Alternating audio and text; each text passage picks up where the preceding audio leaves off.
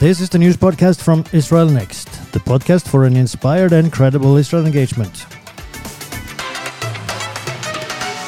I'm Roar Sørensen, and this is Inside Out, bringing you the Israeli perspectives on the news. And today is March 24, 2023.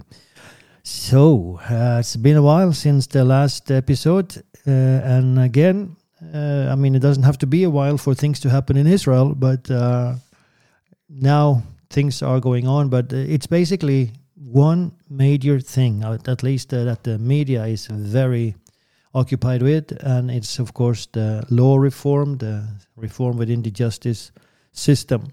So, um, as the demonstrations against the law reform continue, it's now already the third month.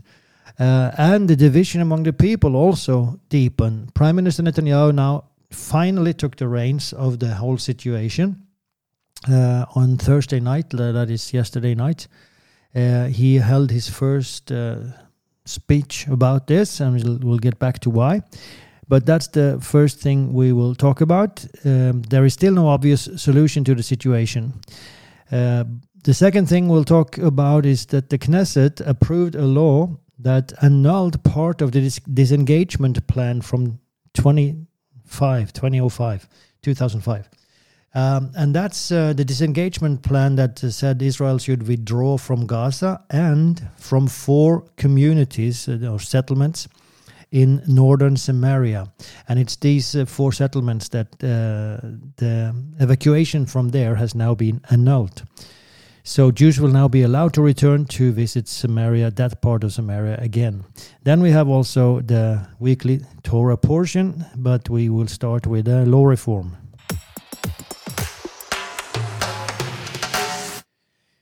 So, uh, since last time, I guess uh, many things have happened, and it's no need to go into the details of all of this because it can become very technical. Uh, but, but, in general, the law reform continues. Um, it's uh, the Justice Minister of Israel, Yariv Levin, who, Levin, who has been uh, the, the motor, the engine in all of this, together with Simcha Rotman. Uh, Rotman comes from the Otzma Yehudit, the, the most right wing party of the coalition. And um, and uh, let me see if I said that right. He, I think no, he comes from uh, Bezalel Smotrich Party, National Reli- Religious Party. That's true. Uh, so, uh, but also a right wing party. And uh, and uh, Levin then comes from Likud. Anyway, these two have been leading the reform, um, preparing all the law uh, bills and so on. And of course, it has been really contested by the opposition that has boycotted, in principle, the, the, the talks in the Knesset, in the Knesset committee. And instead, uh, they have encouraged the demonstrations on the street. Now, they claim to not be leading these demonstrations. They say that this is like a popular uprising, a popular uh, demonstration. And of course, there's truth to that. But behind the scenes, you have a lot of politician and political involvement. Uh, but anyway, um, now uh, because of these demonstrations because they have been massive uh, going on for a long time so um, and they also they shut down uh, every thursday they have like a day when they try to shut down uh, parts of the country uh, they have been calling them uh, like disruption days of dis- disruption they they block roads and they demonstrate all over the country and uh, then last Thursday they had like a, they didn't call it disruption anymore. They called it day of national paralysis. So they really wanted to to close down the state uh, in principle. So there's been a lot of confrontation between the demonstrators and the police. Mostly, uh, I mean, the, the demonstrators are not violent, but there are always exceptions. Uh, so you you have these as well, but um, this has caused a lot of headache. And in addition, you have boycotts from or boycotts or, or like uh, harsh statements and, and uh, things going on from different groups in society that uh, support these demonstrations or are, against the reform. So the high tech uh, within high tech, you have a group of people that really push against this reform. Uh, within the military, you have heard more and more voices, especially among the reserve, reserve soldiers, uh, that they will refuse to meet for uh, reserve service. Um, some of them are only volunteers, and, and of course, then uh, it's you cannot call them. Uh, they're not breaking the law because they are only volunteering anyway. Uh, but of course, it sends a message that is really not good when when you mix the IDF, the Israeli Defense Forces, into the match here. So uh, that's that's a very worrying de- development and uh, something that led the defense minister Yoav Gallant uh, yesterday to uh, declare that he would held uh, hold a speech, and it was clear that this speech would be very tough against the reform. So that would mean like a division within the government itself. Now, just uh, before that speech was supposed to be ho- be held, uh, Netanyahu called Gallant to his office and they had a really serious talk there together. And um, Netanyahu convinced Gallant to uh, refrain from holding that speech. So, so uh, it seems like at, le- at least for now, this speech is on hold. And instead, Netanyahu held his speech uh, yesterday night before he left for London because this is also what's going on. Uh, Netanyahu is traveling Europe. He's been to Rome, he's been to Paris, and now he's in London uh, to um, to build support uh, for uh, action against Iran. So uh, that's the, a big thing on his agenda. Uh, so so that goes on in parallel, but he hasn't been visible in this law reform struggle because he has been denied by the attorney general to get involved. And this is this is really crazy, but uh, there are three court cases going on against Netanyahu, and the attorney general believes that he will, uh, if he gets involved in the law reform, he will do things that are to his own benefit. Uh, so so he uh, he is uh, not allowed to do that uh, from her her perspective. But then this week, the government or the Knesset voted on a law that said that the Attorney General cannot declare the Prime Minister incapacitated. Uh, meaning uh, he, he has to leave office for a while because uh, until now the attorney general has that power and still has that power but now it's only for medical reasons so uh, if there are medical reasons uh, then then the attorney general can say the prime minister needs to step down for the minute for the moment uh, he is incapacitated to lead the government. Now the new law said she cannot do that for other reasons than, than medical reasons, and and um, that gave Netanyahu the backing he needed to go out and now speak about the reform. Uh, and as I said, it's been a very strange situation where the prime minister has been backbound, couldn't like enter into this topic because the attorney general's uh, orders. So uh, uh, I think it's a good development, in spite of the fact that the Attorney General today said he has broken this uh, well decision of hers. So uh, what consequences that will have, we don't know. I don't think there's so much she can do about it, really. But anyway, so Yariv Levin has given a, more softened version of his law reform. Uh, I mean, this law reform includes many different laws. Uh, there are two that are the main important ones, and it has to do with the selection or the election of uh, judges for the Supreme Court. And the other one has to do with how the Supreme Court can or cannot annul laws that are made in the Knesset, in the parliament. So these two laws are like the, at the heart of the reform. But um, there are many others as well. And so now he has come with a softened version of this, especially the, the when it comes to this committee that uh, elects justices for the Supreme Court. But uh, it has not been met with any favor from the opposition. They condemn it and they, they say it doesn't matter, it doesn't help anything, it will still lead towards a dictatorship. And uh, using this word, I mean, it's, it's, uh, an extreme exaggeration in my opinion, of uh, of what will happen. It's also interesting that Alan Dershowitz, uh, a well-known lawyer, is a Jew, but he's American, lives in America, and has always uh, lived there. He's a professor from Harvard University. Now he's a, he is no longer uh, in. I mean, he's not working as a professor anymore. But anyway, he's is a well-known and worldwide respected uh, legal lawyer, and uh, he is against the reform. Uh, but just uh, last week or the week before, he went out and said, even if the reform passes as it is, and that was before it was softened, uh, it will not lead to Israel becoming a dictatorship. That's just nonsense. Israel will become more like some other states, like Canada and uh, some other states he, he mentioned, uh, and also a little bit uh, like the United States. Uh, so uh, there's no danger for Israel becoming a dictatorship, even with a strict uh, reform. And now it has been softened. So uh, that's uh, that's a very credible voice uh, from Alan Dershowitz there.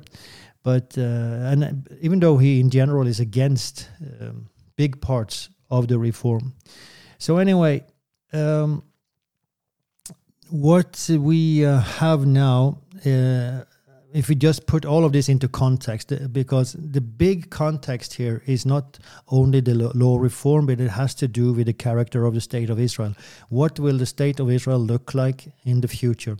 And that goes back to what those who established the state of Israel envisioned from the beginning when they said, We want to establish a Jewish and democratic state. So uh, they didn't use the word democratic, but they described democracy. So in that there's like a tension between Jewish and democratic, and the law reform has to do with this because who will decide what the nation will look like? Um, will it be judges, or will it be parliamentarians, or will it be a little bit of both? And and um, in the ideal system, I mean, the judges they do have a say; they don't have a veto right on on legislation, but they there is a balance of power here government, uh, uh, parliament, and judges, Supreme Court. So uh, the thing here is that it has a lot to do what the judges say, and they had too much power until now, and what they say is very influenced by their worldview. So if they think that Israel should be pushing towards being democratic and not so much towards being Jewish, which is what has been, then that is what will be. That that's how the laws will will be. Um, that's how they will annul laws according to their worldview. And as I said, this is what has been, and that's why this saying in Israel is that why is it that we vote right and we get right wing governments, but the policies that come out of this are is left wing, and that has to do with that the, the Supreme Court has uh, struck stricken down laws uh, that the government has made. Uh, so that's the struggle between secular and religious, between Jewish and democratic, uh, between the old ruling class of the Ashkenazi um, European Jews and uh, the other class, uh, because the, the European Jews, they saw themselves as the pioneers. They were the ones who built the nation from before it was created.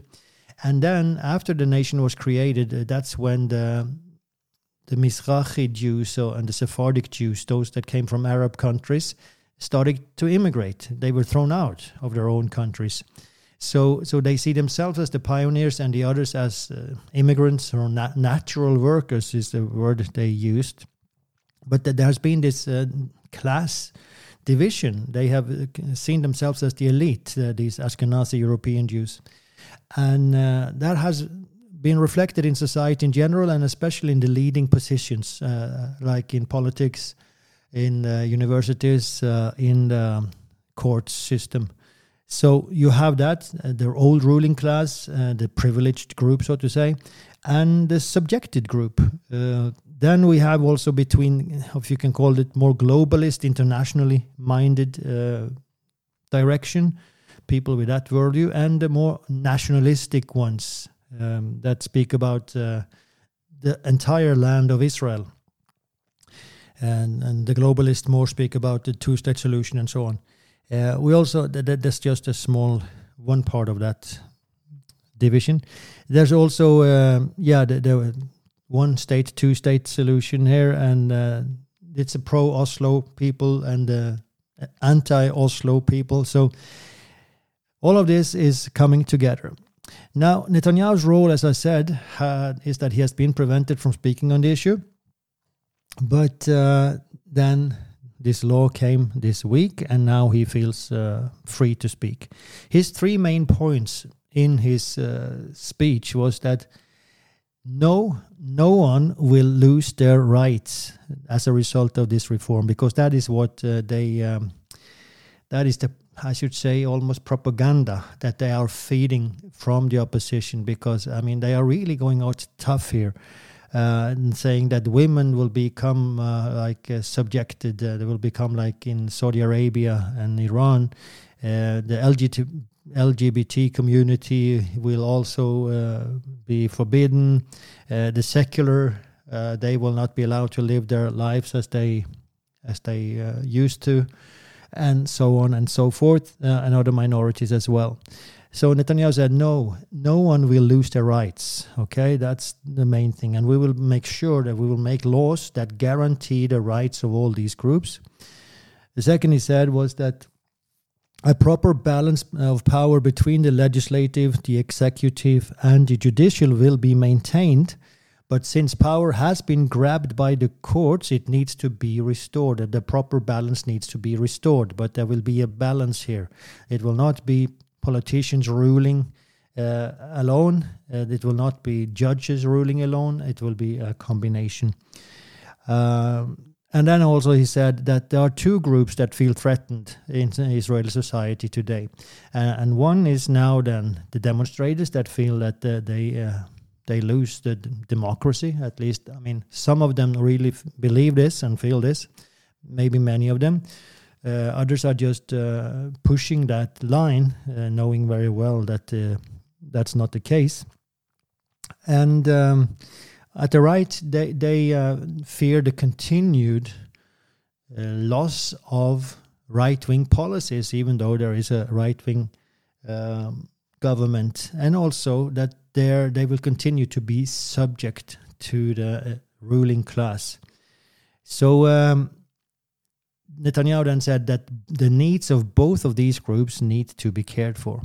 So uh, uh I think uh, in that sense it was a good speech, but um, not something that would calm down the opposition, and it didn't. Uh, the reactions were negative from the opposition.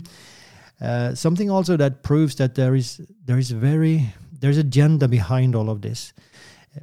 If you really believe that your state is uh, going towards becoming a dictatorship, you would do what you can to avoid it. But they refuse to speak, and instead they push for these demonstrations uh, and seek in that way that that that's the what it seems like that they seek to topple the government uh, through popular demonstrations to create so much chaos uh, in the state and also to create internal divisions within the government uh, that it will break apart. And uh, that is not the way to topple a government. Uh, I mean, toppling a government should be done only in extreme cases in any way, but that's not the way to do it. So there is a hype that has been created by, by the opposition, uh, and um, a sound thinking person would see this that, that the here is there are exaggerations and also the behavior of, of the opposition when they all the time refuse to to speak.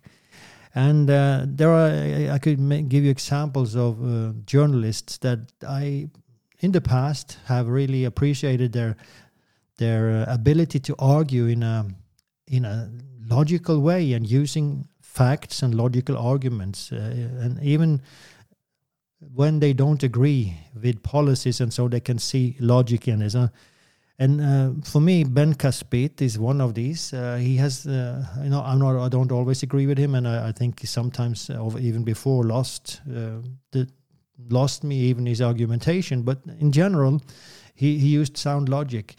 But now he, he seems to have lost this, and it's just one name. It doesn't tell you very much, but it's just one of many that uh, seem to have have lost it. Many journalists have already been using uh, twisted arguments uh, for a long time, but this guy, I think, uh, something happened now.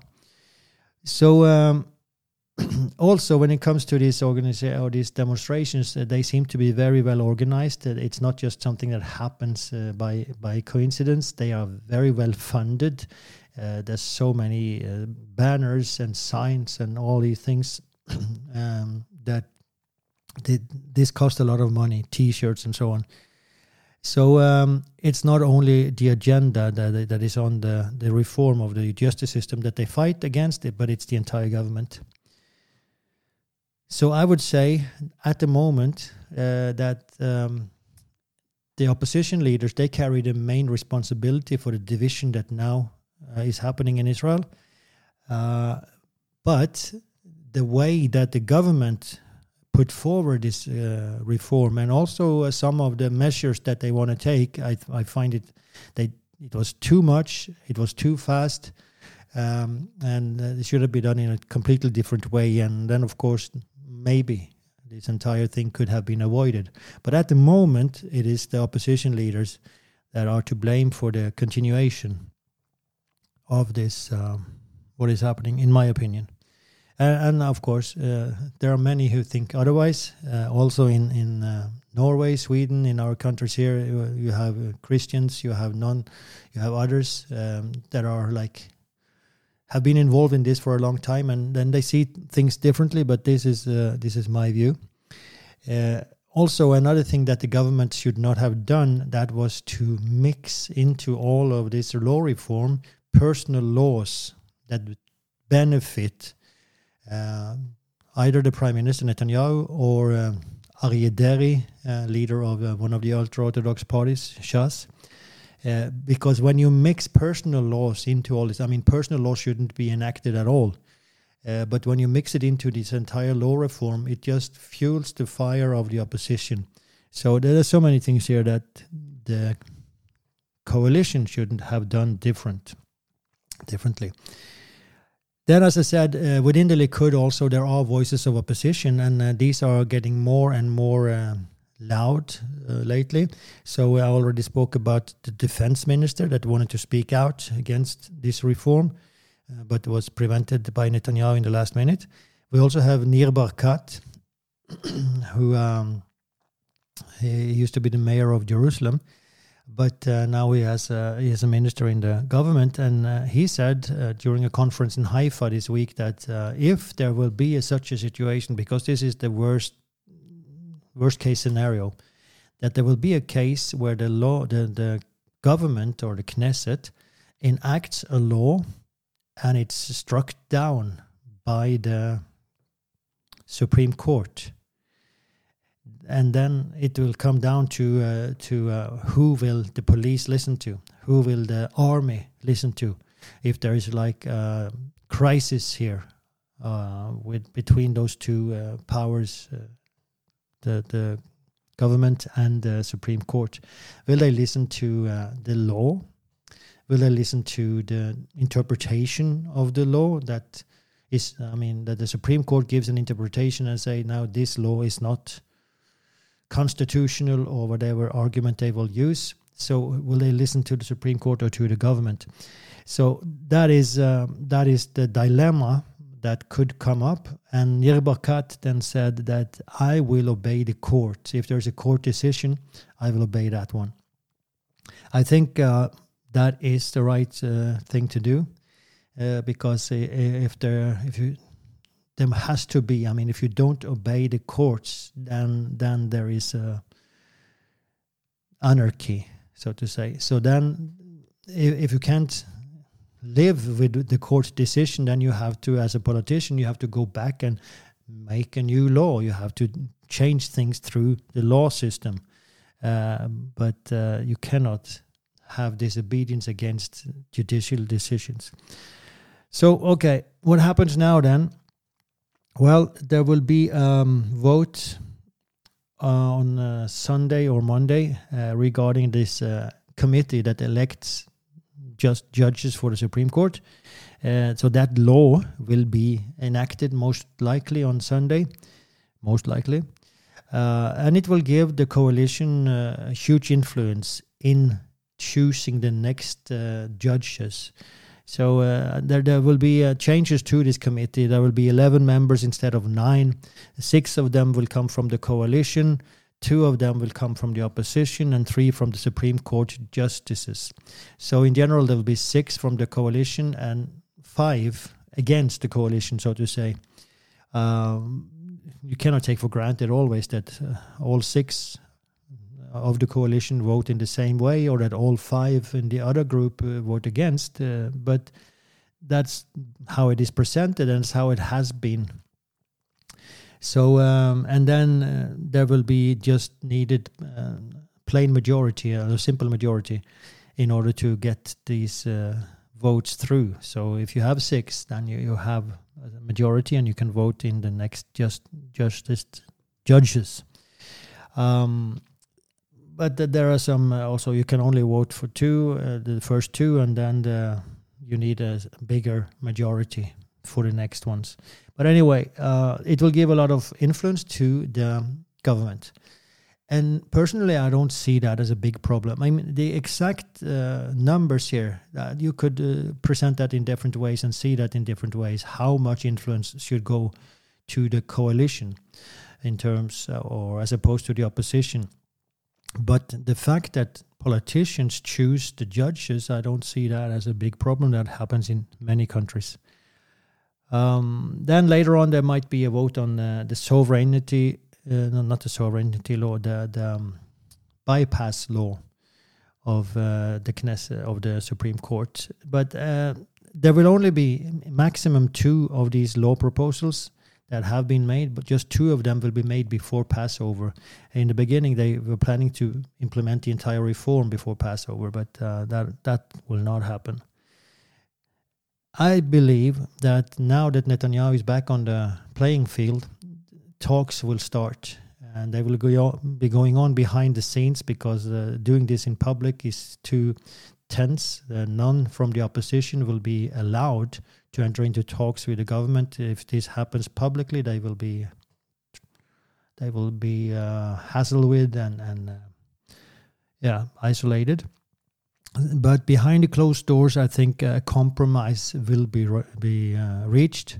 It might take some time still, uh, but I'm pretty confident that that is the way it will go now. That Netanyahu is back on the on the field. Meanwhile, we should pray. We should uh, remind God of His promises. And I, I just want to read to you Psalms, um, not Psalm, but Isaiah chapter 12. It's a short chapter, but uh, I'll read the entire one. In that day you will say, O Lord, I will praise you.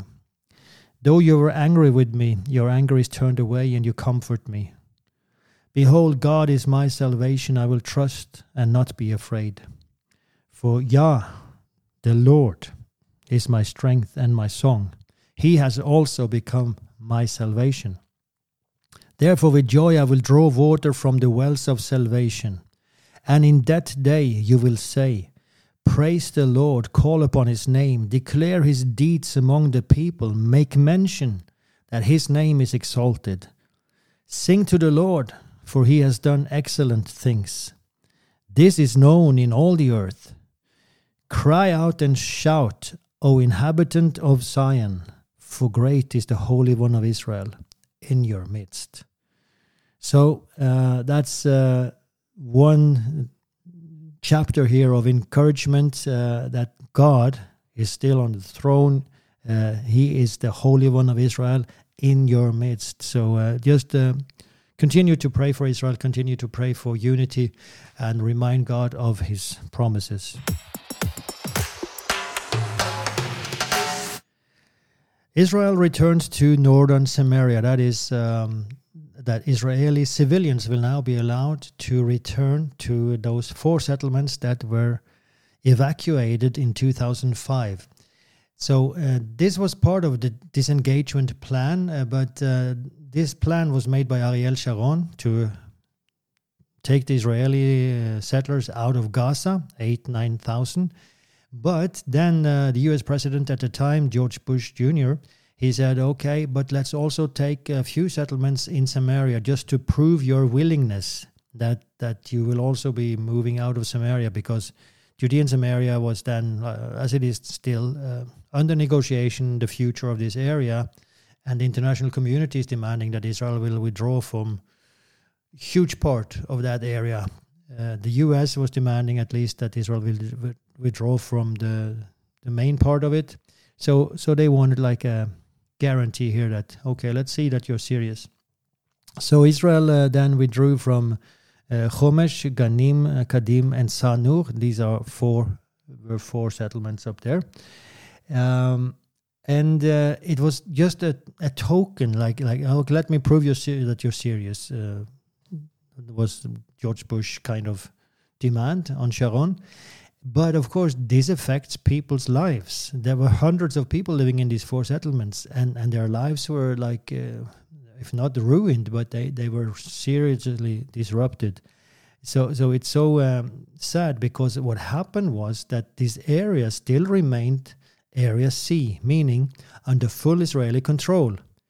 Uh, and and it was just that Israelis were denied staying there. They were denied entering into this area at all.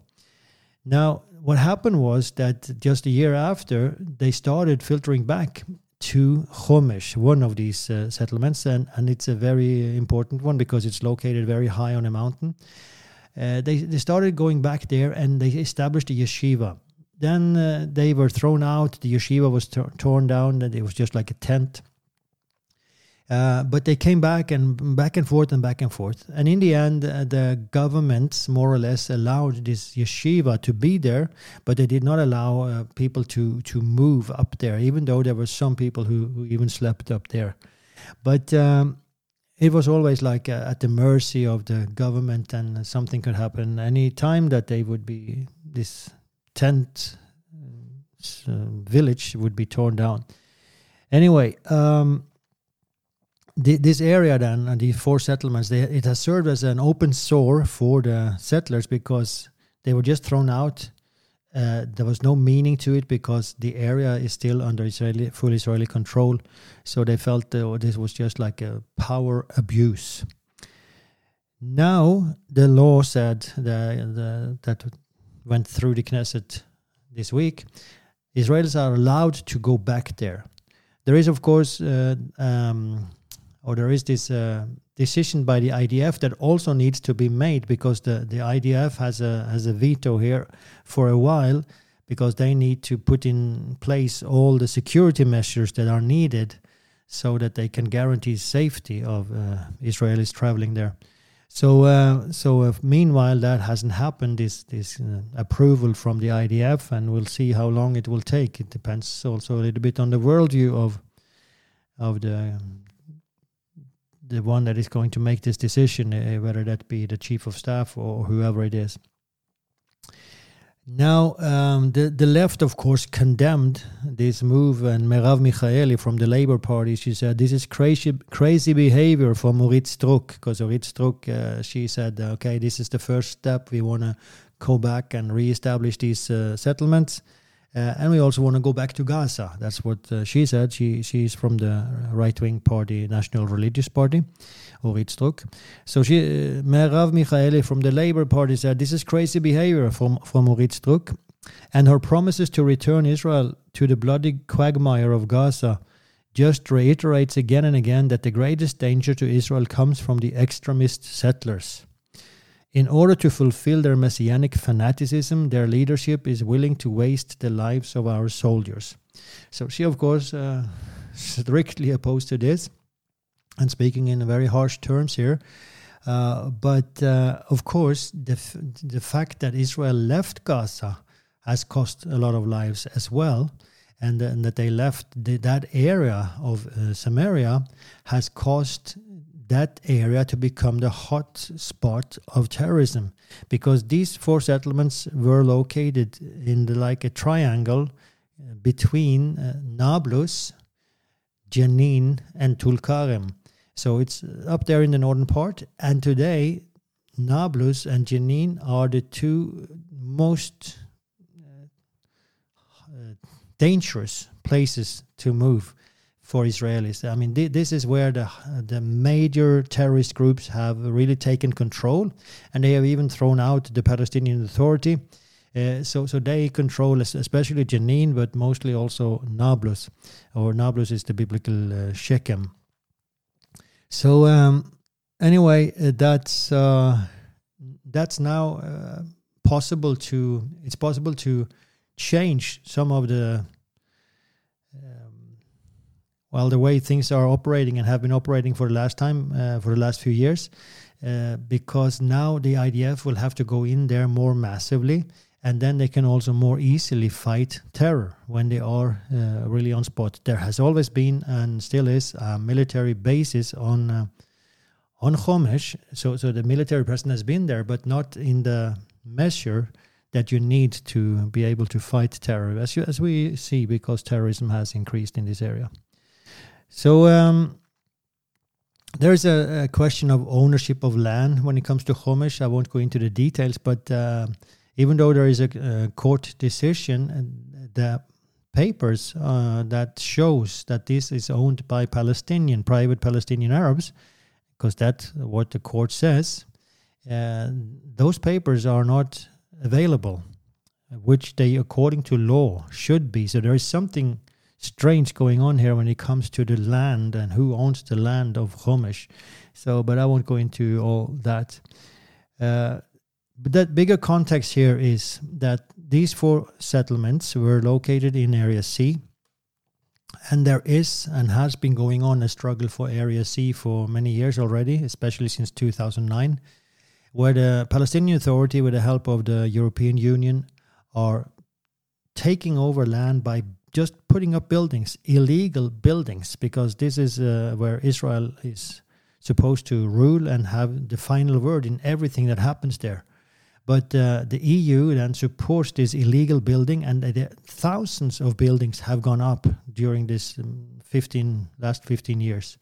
So, uh, and especially also in that area where these four settlements were, there are like uh, hundreds of buildings that have been put up illegally, and they are there to try to create continuity for the Palestinian Authority. So, what is happening is that there is a struggle for the land itself uh, and um, at the moment, Israel is losing that struggle because they are not even playing. The governments uh, are not taking that seriously. Also, because they know uh, it will cause international reactions if they start tearing down these buildings. Anyway, uh, that's why this uh, was very important that uh, the law was repealed and they are now able to go back. And we have arrived at the weekly Torah portion, which is called Vayikra, uh, and he called, God called. Uh, this is from uh, Leviticus chapter 1 1 until 6, uh, chapter 6, verse 7. The summary of, of this is about offerings. So God gives Moses commandments on offerings. Uh, regarding burnt sacrifice, it should be a male without a blemish. Uh, everything should be burnt. It will be a sweet aroma to the Lord. The blood shall be sprinkled around the altar. Then, regarding grain offering, should be from fine flour with oil and frankincense, no leaven. Should be a memorial. Parts of it are burnt, and parts are eaten by the priests. Then there's a first fruit offering that should not be burned unless it is of grain. Should be salted with oil and frankincense should be salted also as well, and then with oil and frankincense. Uh, then there's a peace offering, uh, male or female from the herd, without blemish, burnt on the altar, a sweet aroma to the Lord, and the blood should be sprinkled around the altar. Then there's a, a command here that Israel shall not eat neither fat nor blood. And then it continues with offerings and says uh, regarding the sin offering, should be a young bull the blood should be sprinkled before the veil of the holy and the horns of the altar of incense and at the base of the burnt offer altar. Then parts of the animal shall be burnt outside of the camp. And the same procedure uh, goes for when the people sins, uh, then the same procedure. And also if the ruler sins, but he should uh, then sacrifice a male goat kid. If one of the people sins, uh, he should sacrifice a female goat kid or a female lamb. Then there are uh, laws concerning sacrifices for specific sins connected to oaths, uh, to impurity, to swearing, and so on. And then they should bring a female goat kid or a lamb or two turtle doves or pigeons. way one of them should be a sin offering and one a burnt offering. The blood should be sprinkled at the side of the altar and its base. And if it is one of the people that has sinned and he cannot offer neither a lamb or doves, then he should offer one tenth of an ephah of fine flour without oil and frankincense. It should be a sin offering to be burnt, and the part of it should be eaten by the priest. Then there is an offering for unintentional sins against the Lord. That should be a ram without blemish, shall be brought to the priest, uh, and the value of the ram plus one fifth should be given to the priest. Then uh, there's a trespass offering for lying, stealing, extortion. And then uh, what has been stolen should be returned plus one fifth and should also bring the value of a ram without blemish to the priest. Then he will be forgiven. So, very technical uh, stuff here uh, about different offerings, but uh, that's what we have in this parasha. So, when it comes to comments, then from from uh, rabbinic sources, one of them speaks about uh, the fact that this portion here is called Vayikra, and he called, and, and he uh, points attention to the first verse. And the Lord called to Moses and spoke to him. So, why does it say he called and spoke? Uh, now, in the Western world, there's this idea of a vocation. Vocation comes from the word to call, but it's also like a calling or, or like what you do or your job. Uh, so uh, that's your vocation, but it, it comes from the words a calling. Uh, there's something then, according then to this rabbinic source, there's something that each one of us is called to do. There's a job, there's a task, there's a life calling. And it might be like a practical calling at a regular job. It might be something that is for society. It might be in very different ways. But there's like something for each one of us to do. We have our unique skills, unique contacts. We are unique in all ways. And God wants to use that. So uh, we know that we are here for a reason. We're not here just to survive, like and, and seek happiness, uh, like uh, the American um, Declaration of Independence said, "The pursuit of happiness." Uh, I mean, that's that's good. That's positive, but that's not the only reason. We are not here for for for being happy. There's something bigger than ourselves that is going on, a vocation. So, wh- why is this important in in this context? Because when you have a calling, a vocation, it makes you willing to sacrifice you sacrifice because there is something that is bigger than you that you give yourself to. So uh, that's why this uh, source says it is fitting to have as the first word of this book then Vayikra, because this is the book of sacrifices. And the, there's also an odd wording in uh, verse 2 that underlines this idea, uh, because in Hebrew it says, Adam ki yakriv mikem korban le'adonai. Adam that's Adam, but that's that's a man. Uh, ki yakriv, that will offer mikem from you korban offering leadonai to the Lord. So a man that will offer from you a sacrifice to the Lord. And the wording here is uh, particular because the normal way to put this would be a man from you that will offer a sacrifice. But now it says a man that will offer from you. So it seems like offer from you. The, the offering itself, the sacrifice is yourself. It's ourselves. Uh, so um, that's a very uh, interesting uh, observation, and that means that, uh, according to this commentator, that the animal on the altar is just a manifestation of an inner act, the inner sacrifice that also takes place at the same time, and that is the important act. So um, that takes us really to uh, to the purpose of sacrifices because we see a lot of technicalities. I just uh, quoted them where the blood should be sprinkled and so on, how it should be sacrificed.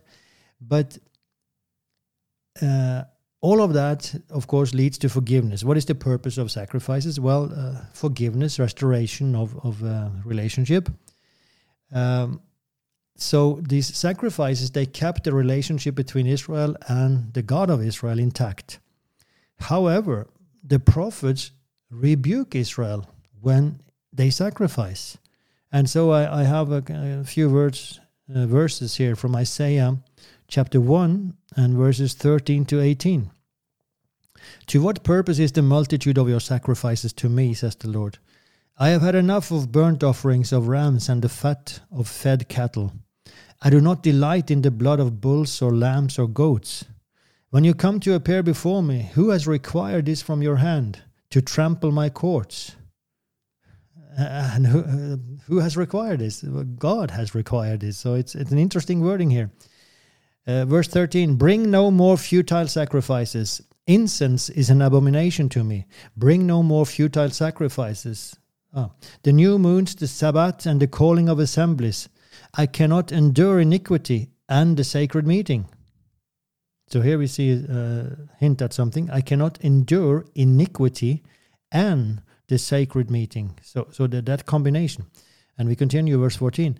Your new moon and your appointed feasts, my soul hates. They are a trouble to me. I am weary of bearing them. When you spread out your hands, I will hide my eyes from you. Even though you make many prayers, I will not hear. Your hands are full of blood. So here comes the, the reason why. Verse 16 Wash yourselves, make yourselves clean, put away the evil of your doings from before my eyes. Cease to do evil, learn to do good. Seek justice, rebuke the oppressor, defend the fatherless, plead for the widow. Come now and let us reason together, says the Lord. Though your sins are like scarlet, they will be white as snow. Though they are red like crimson, they shall be as wool. So uh, here we really see that even though God has instituted the sacrifices, when they are done in the wrong way, He hates them. Because what is important is how do you treat your neighbor? And it's interesting that that verse, uh, you should love your neighbor, that comes in Leviticus 19. It comes in this book that is filled with sacrifices and purity and impurity and all the the regulations for priests, this is where you find that verse love your neighbor as yourself. So the sacrifices were supposed to remind Israel of their sins and put focus on their sins. Hey, you have done something you shouldn't have done. This is a way to mend it. But the main thing here is for, make sure you don't do it again. Uh, so that they would improve their lives. The sacrifices should lead to better lives and lead them to the good. But they often use the sacrifices as a license to continue to do evil. So, so okay, I do evil, but then I go and sacrifice, and everything is good. Uh, and that's what God hated. Uh, they disconnected the relationship with God from their relationship with men. So they, were, they had two separate things here. They thought they could be okay with God and treat men just as they wanted, badly. So they disconnected the temple from everyday life. And then you can really see how this fits even today into Christian circles as well. Uh, and God said to them then, you harm your fellow man. If you if you harm your fellow man, you harm me, because your fellow man is created in my image. So, uh, and that takes us to uh, Psalm 51, and uh, that explains this uh, in detail. And uh, here it is David speaking to God and saying, For you do not desire sacrifice, or else I would give it. You do not delight in burnt offering. The sacrifices of God are a broken spirit, a broken and a contrite heart. These, O God, you will not despise. So uh, David really got the point here that what what God really needs is a heart that is completely uh, bent towards following Him. And when you do that, you treat your neighbor well. So even though sacrifices were given by God, and He even gives His Son as a final sacrifice, uh, because sacrifice that sacrifice fixed the problem, so to say, that the final sacrifice for those who let it fix the problem. But man's nature can twist even good things to evil. So uh, that's what that's what happened here. The, the man's nature used what God had intended for for good to do evil. It's a, exactly what opposite of what God is doing. And then the final note here is that the purpose of sacrifices. We, uh, that's what we're talking about. Uh, if we look at the word itself, so com- it comes from lehakriv or korban. That's the same root in those two words. Lehakriv is to sacrifice or to offer, and uh, korban is sacrifice, offering. So, but the root is the same, uh, and um, it comes from the word to get close. So, the main idea in korban, in, in sacrificing, is not to give up something, but it is to come closer to God. Now, that, that might mean that you give up something, but the main idea is not the giving up. The main idea is to come closer to God and that's a beautiful thing uh, with with all this. Uh, even today, when there's no temple, we don't make sacrifices, animal sacrifices, but uh, we bring ourselves forth as sacrifices. So uh, you do not get poorer. You do, you you do not get more miserable. Uh, you do not get more sad when you sacrifice to God. You get richer, happier, more purpose, more satisfied. So. Um, you come closer to God. That's a good uh, thing to to end with before uh, the weekend, uh, before the Shabbat starts. Also, it's Friday today. Uh, so uh, with that, uh, I will finish here today, and also just remind you that we um, really could need your support if you want to help us. do find there's a way to do that financially. You can really, of course, pray for us. That's uh, more important than anything. Um, and but also financial support. We are uh, appreciative. Uh, we are glad for that, and also thank you everyone that continues to give uh, faithfully to Israel Next. You find us uh, on VIPS, Just look for Israel Next there, or our website. Uh, it's also possible. So that's it for today. And uh, before we end, uh, we're going to pronounce the priestly blessing. יברכך אדוני וישמרך. יאר אדוני פניו אליך ויחונקה. יישא אדוני פניו אליך וישם לך שלום. Amen. And also shalom al kol Israel. So um, thank you so much. And uh, until next time, say something good about Israel.